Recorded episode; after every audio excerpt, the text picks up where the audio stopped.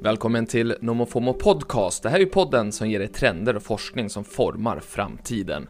Men även spaningar som du annars kanske aldrig hade fått reda på. Som att barn i Sydafrika säljer vidare skolornas wifi-lösenord för att ha råd att äta lunch. Och att människor faktiskt tänker mer på dig än vad du tror. Jag som DJar internet åt dig heter som alltid Niklas Hermansson.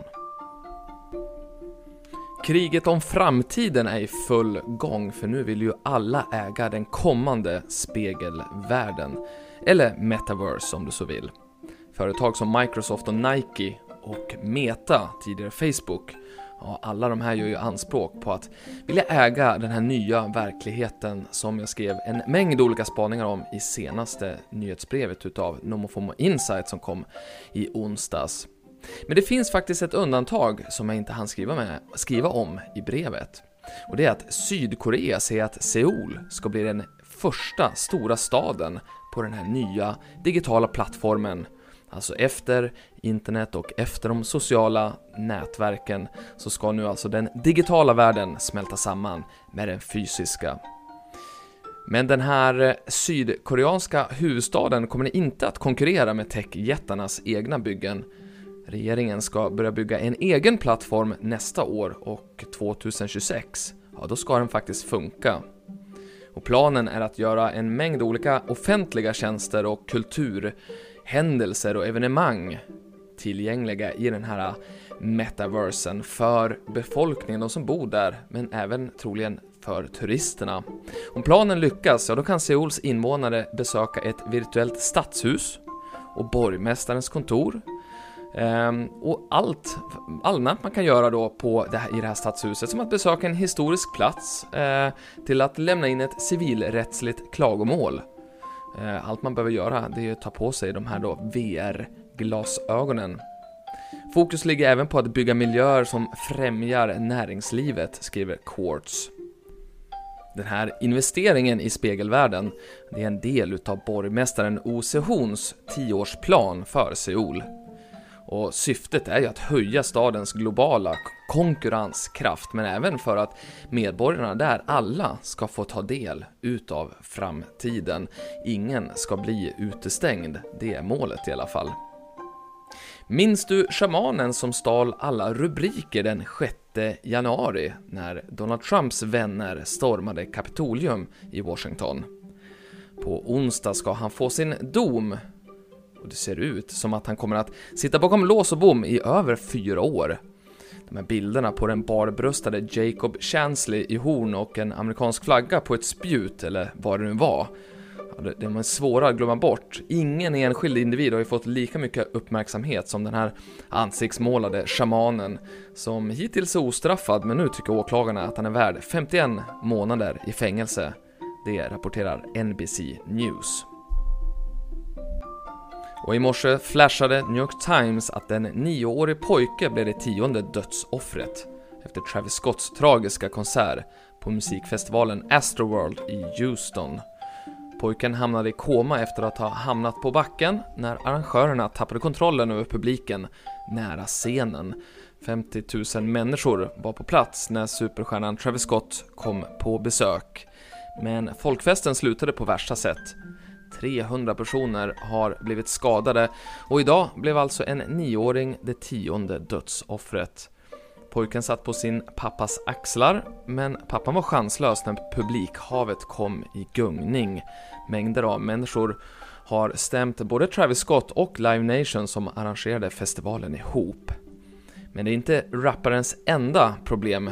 Tragedin är även en mardröm för modehuset Dior vars kommande kollektion är just ett samarbete med Travis Scott.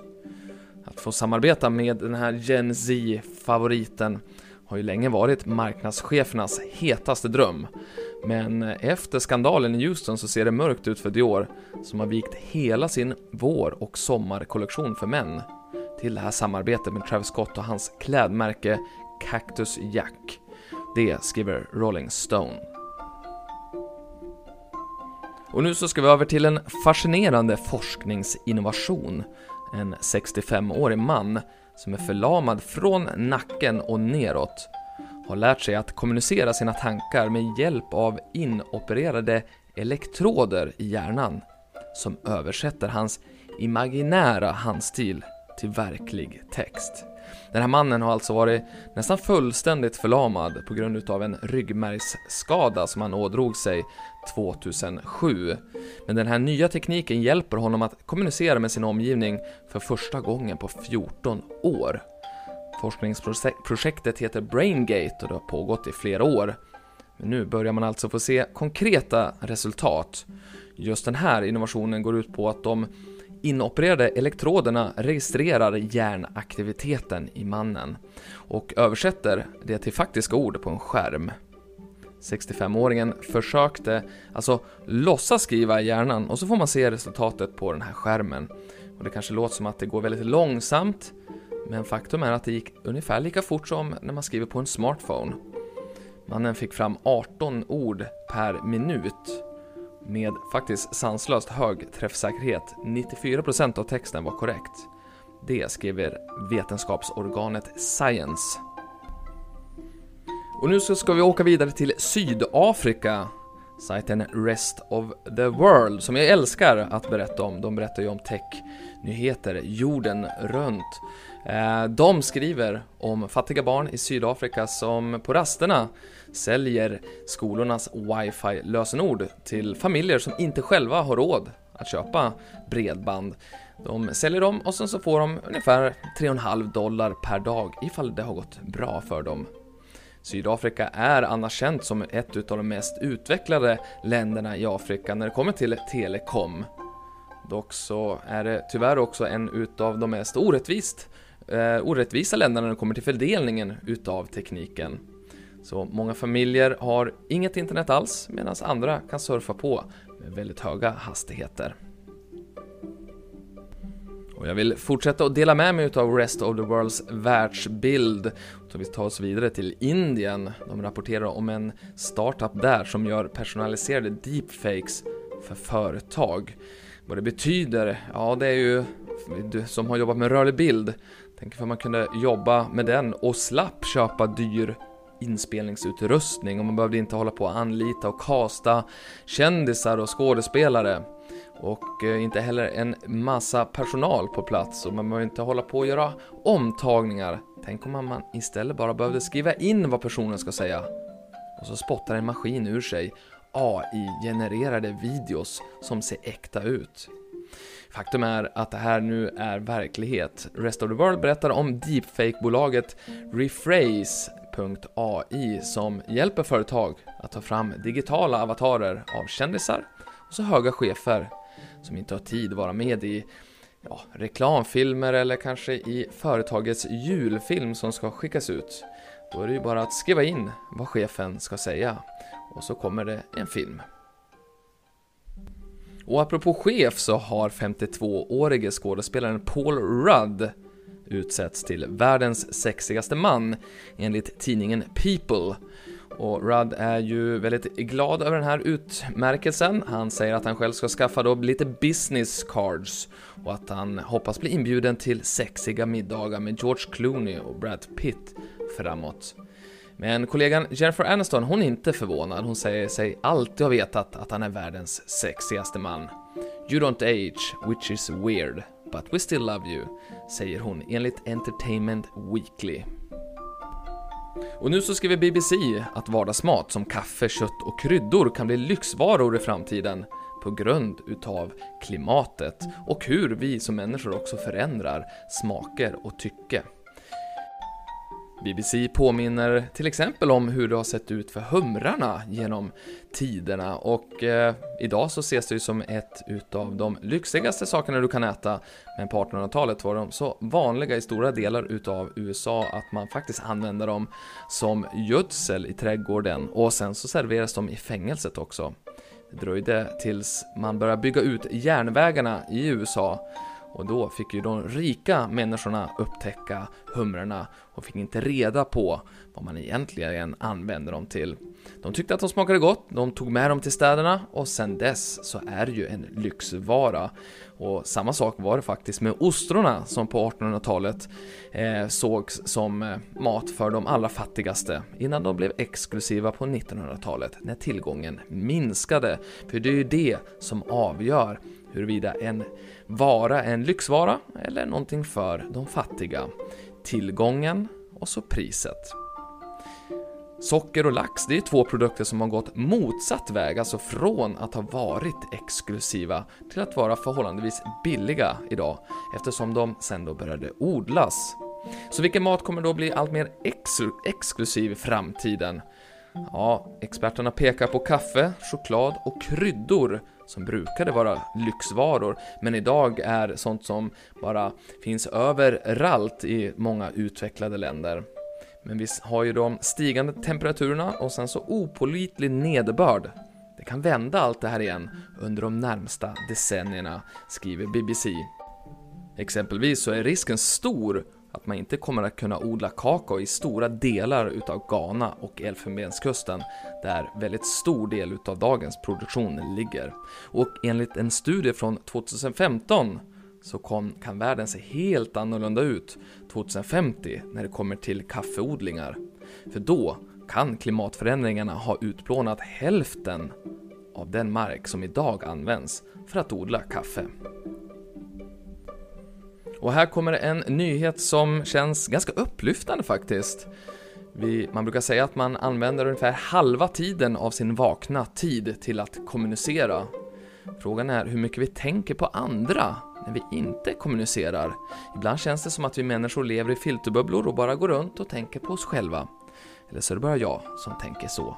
Men en ny studie som publicerades i slutet av oktober i Journal of Experimental Psychology eh, den visar att folk faktiskt tänker på dig mer än vad du tror.